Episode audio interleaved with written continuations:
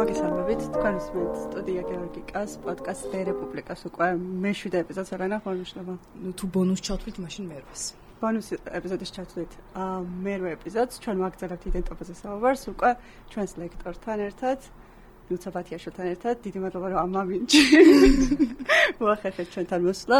ჩვენ გვიწერია კიდეც თქვენი კვლევის სფერო, მაგრამ დიდი ეჭვმაქრო შევწდები და ამიტომ თქვენ არა, თქვენ კოლექტიური მეხსიერება, პოლიტიკური დისკურსი და პოსტსაბჭოთა ტრანზაქციების კვლევა თავისუფალი უნივერსიტეტის საიტანო საიტიდან ავიღეთ.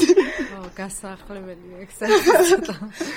აა, პირველ რიგში მადლობა დიდი მოწვევისთვის, მიუხედავად იმისა, რომ არ არ თვლი თავს მაინც და მაინც კომპეტენტურად ამ და თემაში, რომელიც თქვენ ან იმთავარი თემა პოდკასტების აა მაგრამ ძალიან საინტერესო დიალოგები და დისკუსიები გაქვთ და როგორც შემეძლება ისე მივიღებ მონაწილეობას. ჩემი კვლევის სფერო აა ამის გარდა რაც შენ წაიკითხე, უფრო მე განათლებით ფსიქოლოგი და ანთროპოლოგი ვარ, ამიტომ პოლიტიკური კოგნიცია არის რაღაც ანთროპოლოგიის და აა კოგნიტური მეცნიერების გადაკვეთაზე.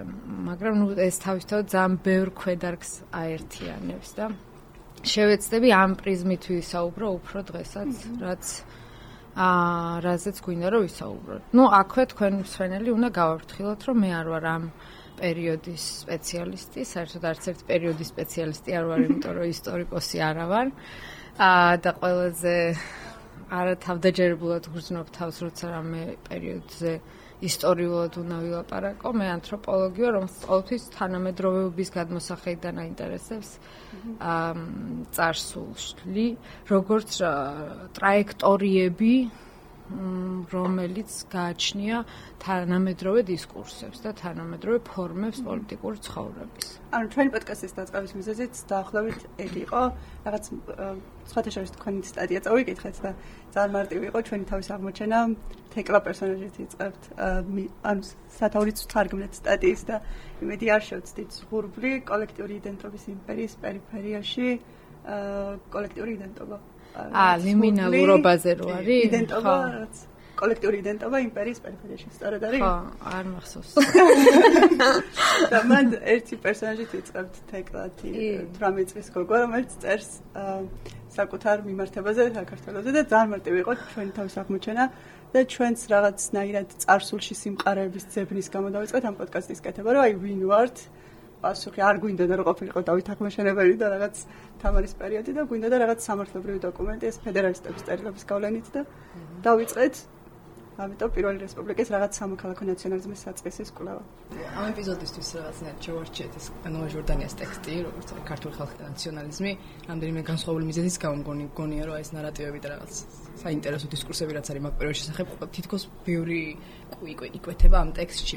ჩვენ გავიარეთ ხო კიდე თქვენს გაგანში ეს ისა და მაგიდან გვახსოვდა და რაღაცა კიდე უფრო ის კითხვები და რაღაცები რაც ქონდა მაგის დაზუსტება და გაშლა გვინდოდა.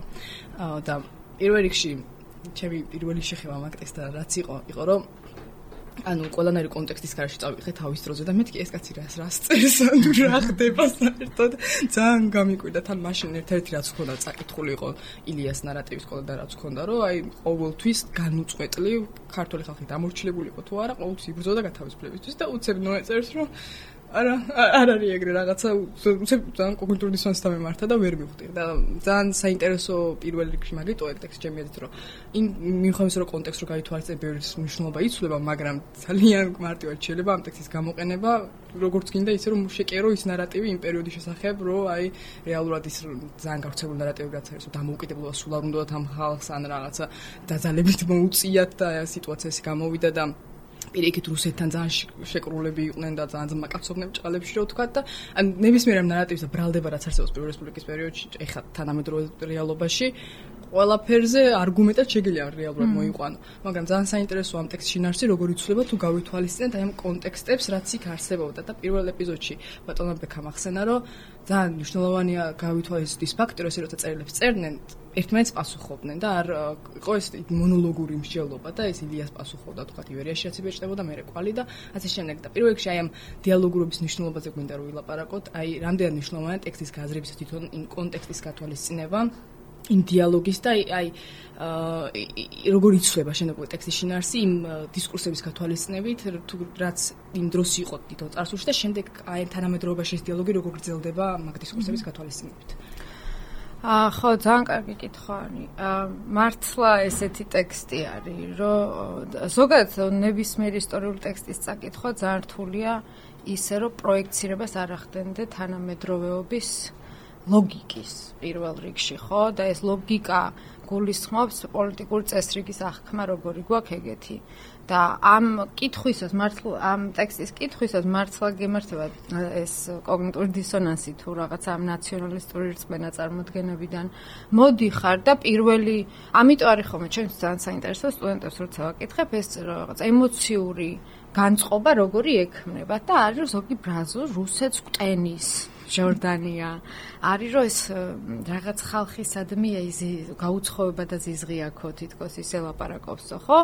და სიონერის პირიქით არის ამას გაღვიქვავ ჩვენ იმიტომ რომ იმიტომ რომ ხალხზე ამობს რომ ეროვნული ინტერესი არ აქვს ეს ბრალდება არის ჩვენი გადმოსახედიდან როგორც რაჭირს ამ ხალხს. და ჯორდანია არ შეიძლება არ არ უყურებს ესე მაინც და მაინც როგორც რაღაც უყურმართობის ფორმას პირიქით ლოგიკურ ახსნას ეძებს ხო და კი მართ ყველა ტექსტი დიალო ანუ არ არსებობს პოლიტიკური დისკურსის არც ერთი ეპიზოდი ან მომენტი ან ნებისმიერ ტექსტი რომელიც არ უნდა ვიყო დღესაც რომელიც დიალოგური არ არის. იმიტომ რომ იმას ყოველთვის ადრესატი ყავს და ყოველთვის ყავს აა და შეფარულ ადრესატს რასაც ეძახის მიხაილ ბახტინი ხო რომ აი ვიღაცამ რაღაც თქვა ამ საკითხზე და იმას პასუხობ. ნუ უბრალოდ მე-19 საუკუნის ტექსტებში ძალიან თვალსაჩინო არის ეს დიალოგურობა.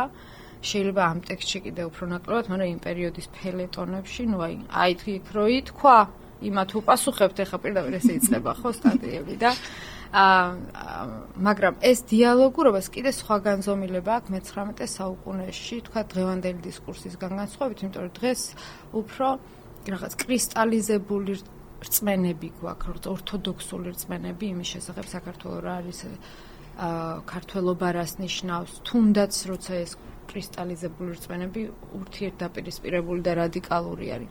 და ეს აქ არის ეს წარმოადგენები ქმნადობის მომენტში, ანუ თვითონაც საკუთარი თავისთვისაც კითხვაზე პასუხობენ. თავის თავისთვისაც უნდა აღმოაჩინონ რა არის ეს პოლიტიკური და სოციალური და კულტურული ლანდშაფტი, რასაც საქართველოს ეძახიან. აა ხო და მეც უსმინე თქვენ პირველ ეპიზოდს და კი რამდენიმე ფორმის კონტექსტი, რამდენიმე თვალსაზრისით კონტექსტი გასათვალისწინებელი ხო? ერთი ვის პასუხობენ ერთმანეთს რას ელაპარაკ, ვის ვინ არიან ეს ერთმანეთთვისაც ელაპარაკებიან. მეორე არის თვითონ პრინციპები აა პოლიტიკური წესრიგის, რომელიც მაშინდელი სამყაროსი განსხვავდება დღევანდელისგან. დღევანდელი სამყარო არის აა წესრიგი ერის სახელმწიფოების. აა და მაშინდელი სამყარო არის იმპერიალისტური აა წესრიგი, რომელშიც საერთოდ ძალიან რთული წარმოსადგენი კი არა, აბსოლუტურად წარმოუდგენელი არის იმპერიალისტური წესრიგის მიღმა, რანაირ შეიძლება იყოს პოლიტიკური ცხოვრება და ამავე დროს სრულიად წარმოუდგენელი არის პატარა ქვეყნების, ეს არის მარტო საქართველოს, საერთოდ წარმოუდგენელია ევროპაშიც, რომ პატარა ქვეყანაა, მithumets ეგეთი პატარა ა სიცოცხლის უნარიანი იყოს. და პირველი მსოფლიო ომის დროსაც რაღაც ამ ამ ბოლოშიც ხო ანუ უკვე რო იშლება იმპერიებიც მერეც კი ა ვერ ფიქრობენ რომ როგორ შეიძლება პატარა ერები მაიარსებონ და გადარჩენ. და ამიტომ რაღაც ცოდოას თუ ძნელია ჟორდანიას ჩაუთვალო ეს რომ ვერ ხედავს ჟორდანია ვერავინ ვერ ხედავს ხო ფაქტიურად მაგ პერიოდში ამიტომ ეგ მოცემულობა არის, რომლის შიგნითაც ფიქრობს ა რა უნდა იყოს საწყისი ფუნდამენტი პოლიტიკური სუვერენობის ინფორმების, რომელიც წარმოსადგენია მაშინ.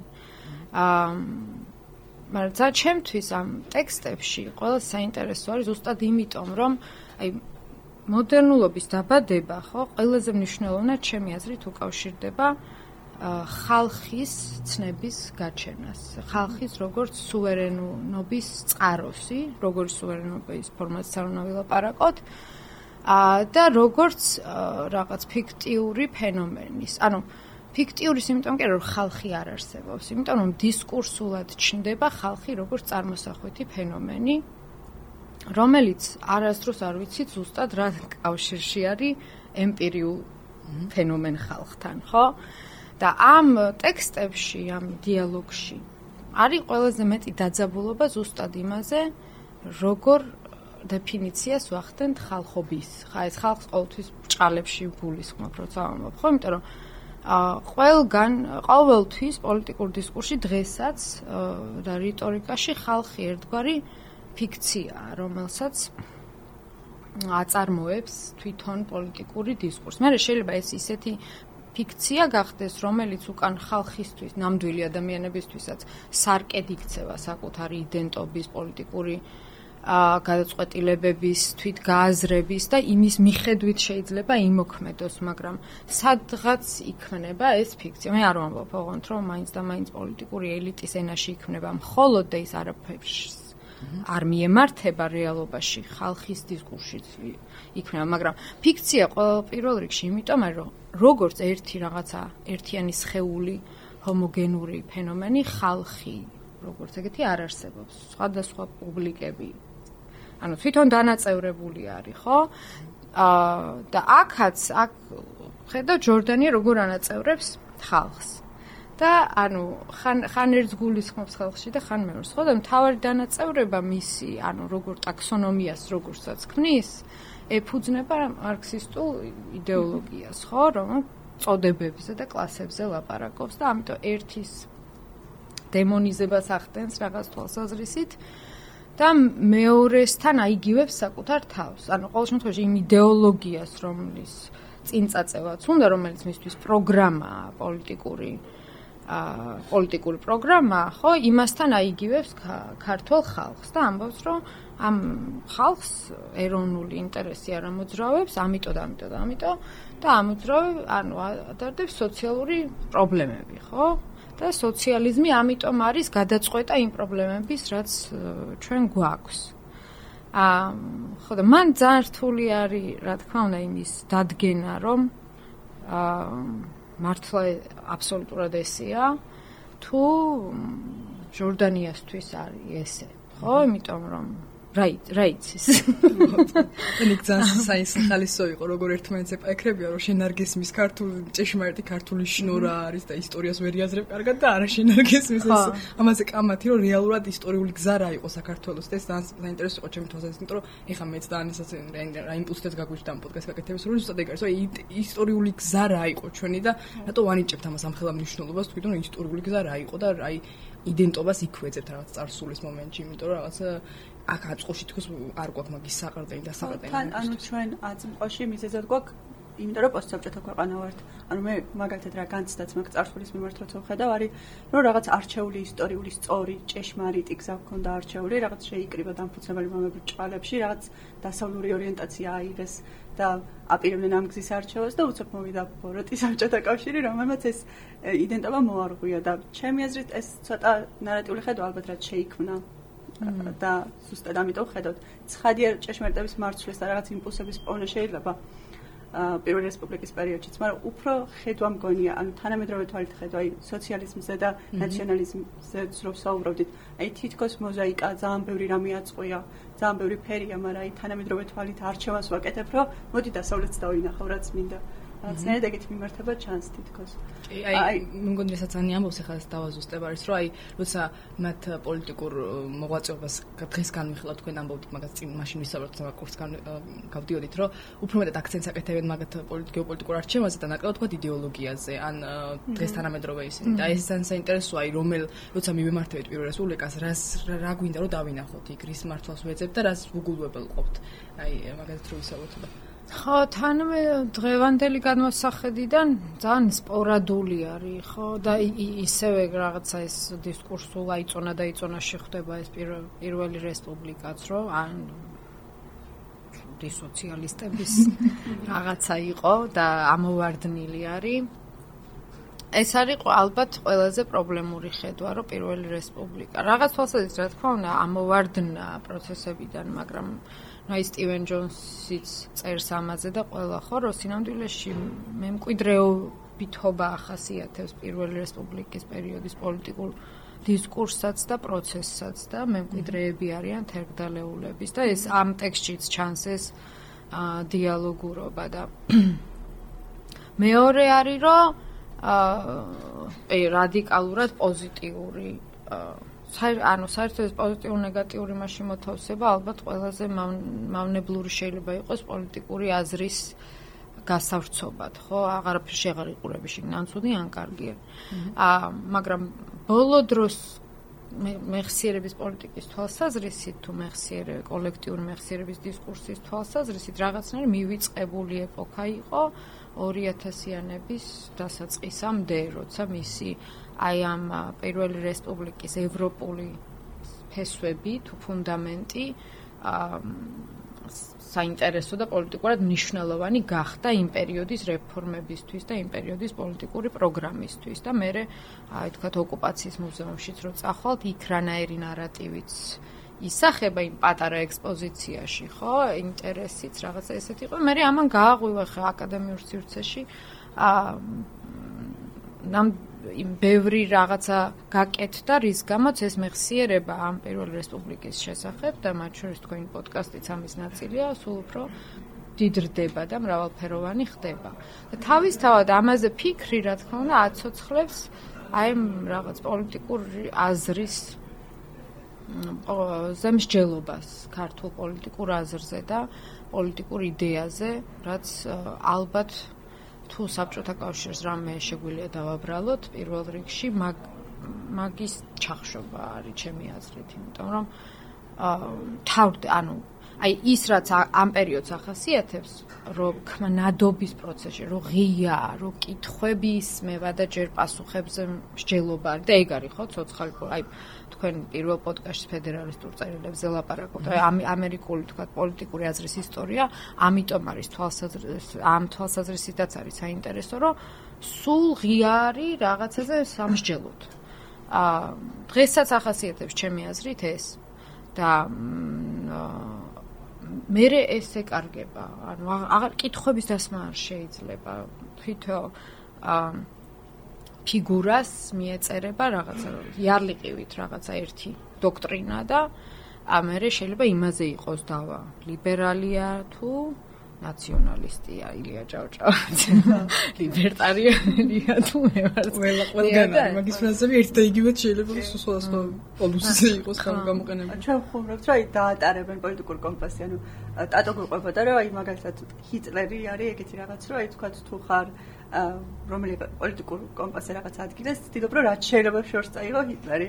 და ჩვენთან არის ილია ჭავჭავაძე თუ ხარ და მე პოლიტიკურ კომპასზე სადმე გინდა რომ ყველაზე ახლოს იყოს ილია შენთან რომ აი მისაკუთ რომ გირჩით წარმატებით იყენებს თქვათ და რა ვიცი ისე აქაც მე მე რო ამ პერიოდის ტექსტებს ვკითხულობ აა ეს განცდა მიჩნდება რომ მაინც მთავარი რეფერირების წერტილი არის ამათთვისაც ირი. აი ამ ტექსტშიც გონია რომ ჟორდანი აი ხო ვამბობ რომ მთავარი დაძაბულობა რის გამოც ჩდება არის ხალხის დეფინიცია. ეს ხალხის დეფინიცია თან კი არ არის რაღაც მხოლოდ წმინდად რაღაც რაციონალური შრალი განსაზღვრება რა არის ქართველი ხალხი. პირველ რიგში რაც აი მოდერნულობაში ხალხის ცნების გაჩენას ახასიათებს არის რომ ის ჩდება როგორც აფექტური ფენომენი, ანუ რაღაც სენტიმენტი მიეწერება ხალხს და ის სენტიმენტი არის მისი მამოძრავებელი.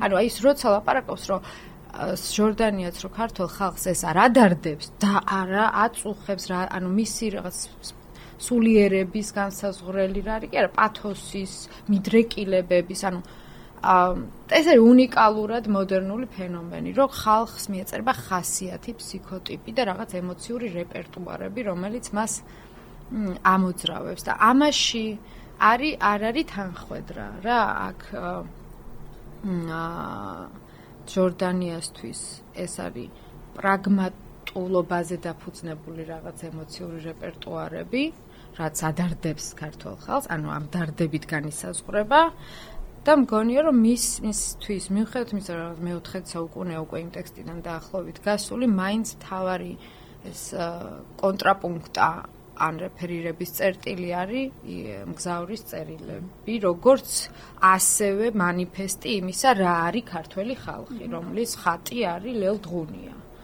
აა ხო და იმისი რაღაც აფექტური ეკოლოგია სხვანაირი არის, სხვა რა მეზე დგას, არა პრაგმატულ აა მე მე რა ინტერესებზე, არამედ რაღაც უფრო სულიერ და ნაციონალიზმი რაზეც დგას, ხო?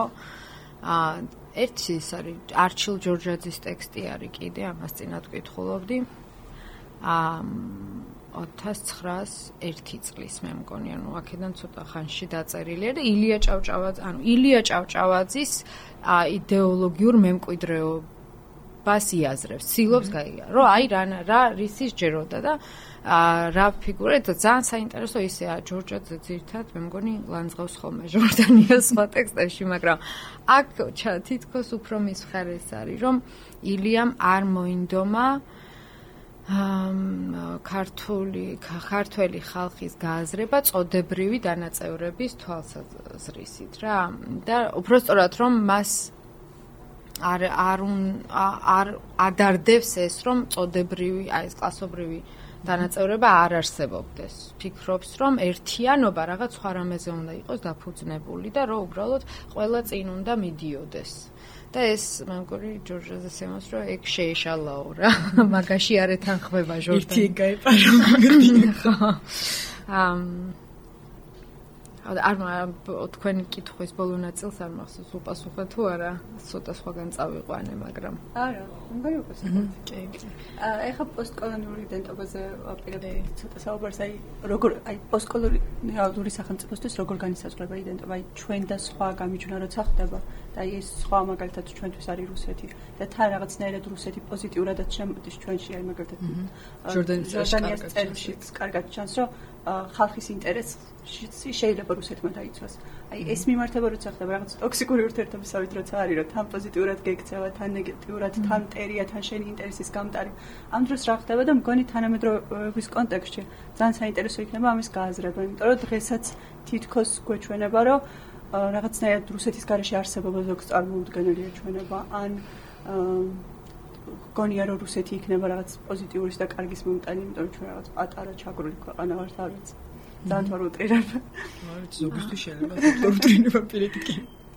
ხო, მე მგონი ეგ არ არის უნიკალურად თქვა ქართული პოსტკოლონიური იდენტობისთვის დამახასიათებელი ზოგადად პოსტიმპერიალისტური ა ან მთელი პოსტკოლონიური თეორიის არსიც მაგალითად ეგ არის რომ იკროს შემორჩენილ ავტორიტეტის შემორჩენილ ფორმებს იმპერიალიზმიდან და ავტორიტეტის შემორჩენილი ფორმები ზუსტად ამას ნიშნავს, ხო? აი ა პოლიტიკური სუბიექტის და იდენტობის განსაზღვრელი ჩარჩოები და ნარატივები რა არის, რომელიც იმპერიალისტურ წესრიგთან არის კავშირში. ამიტომ ძალიან დიდი ხნის წინ მოხდა ამ დიქოტომიის გადააზრება, რომ არის ოკუპირებული და ოკუპანტი რომ ეს არის თავარი დიალექტიკა, ასე ვთქვათ, ან პრინციპი ა იმპერიალისტური წესრიგის და შემდეგ პოსტკოლონიური იდენტობისაც და აქაც მსგავსი არის მაგ თვალსაზრისით, ხო, მით უმეტეს?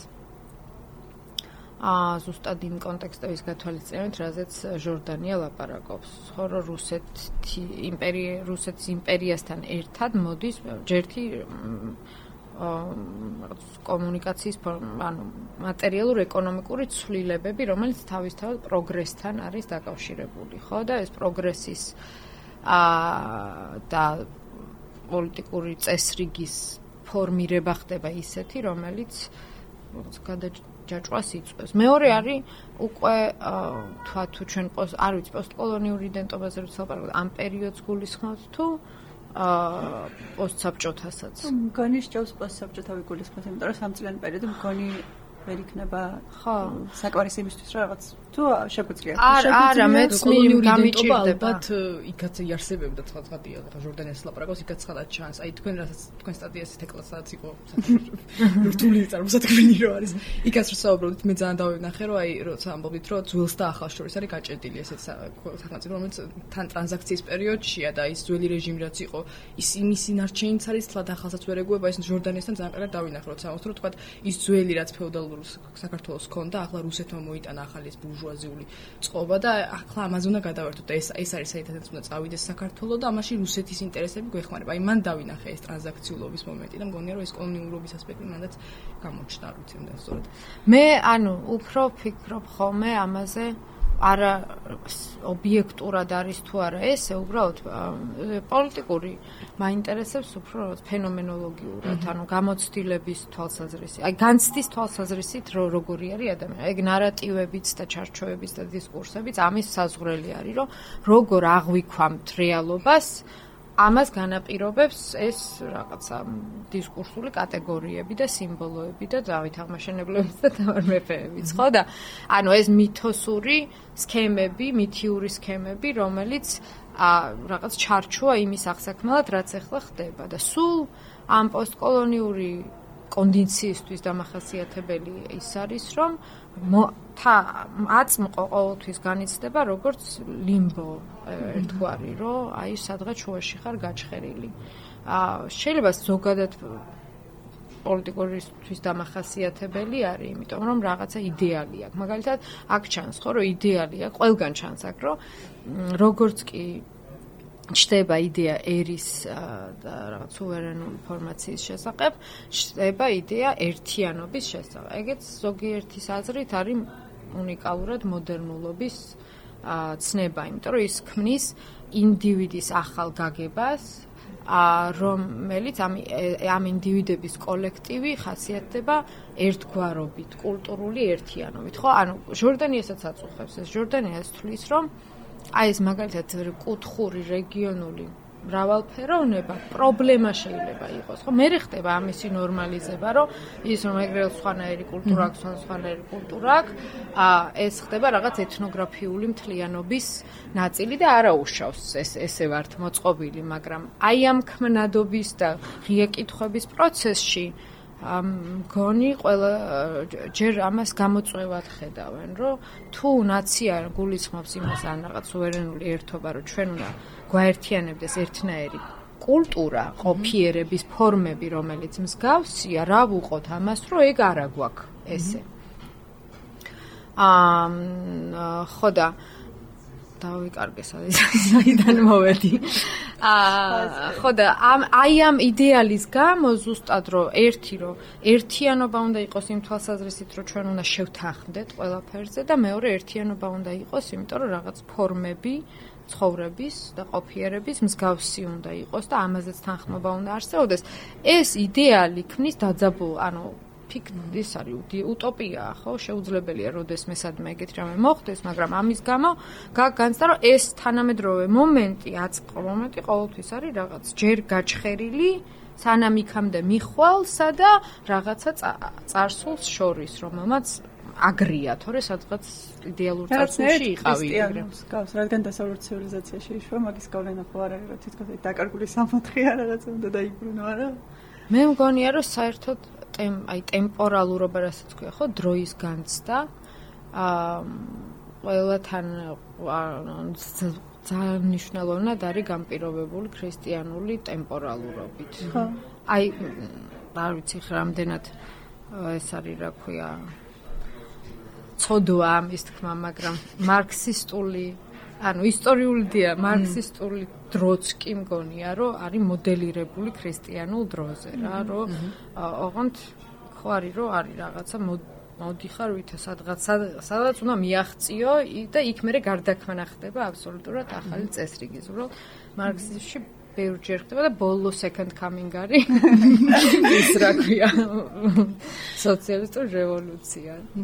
აა მაგრამ ნუ ეგ სპეკულაცია რა თქმა უნდა თან რაღაც საინტერესო რომ ის წარსულის ხატი თითქოს მომავალიც უნდა იყოს რაღაცნაირად ის რაც უნდა მოვიდეს არის ის რაც წარსულში იყო რაღაც ეგეთი განსაყალიბება რაღაც თითქოს მე ბავშვებში back to future არის ბავშვებში ასაცნობ რაღაცნა მეგონა რომ ოდესღაც ეს დავით აღმაშენებლის ტერიტორიებს დამებრუნებდი რაღაც არა მაგრამ ეს ფრაზა ხო ქართულ პოლიტიკურ დისკურსში მართლა არსებობს. წინ დავით აღმაშენებლის პარადოქსული არის თავის აზრით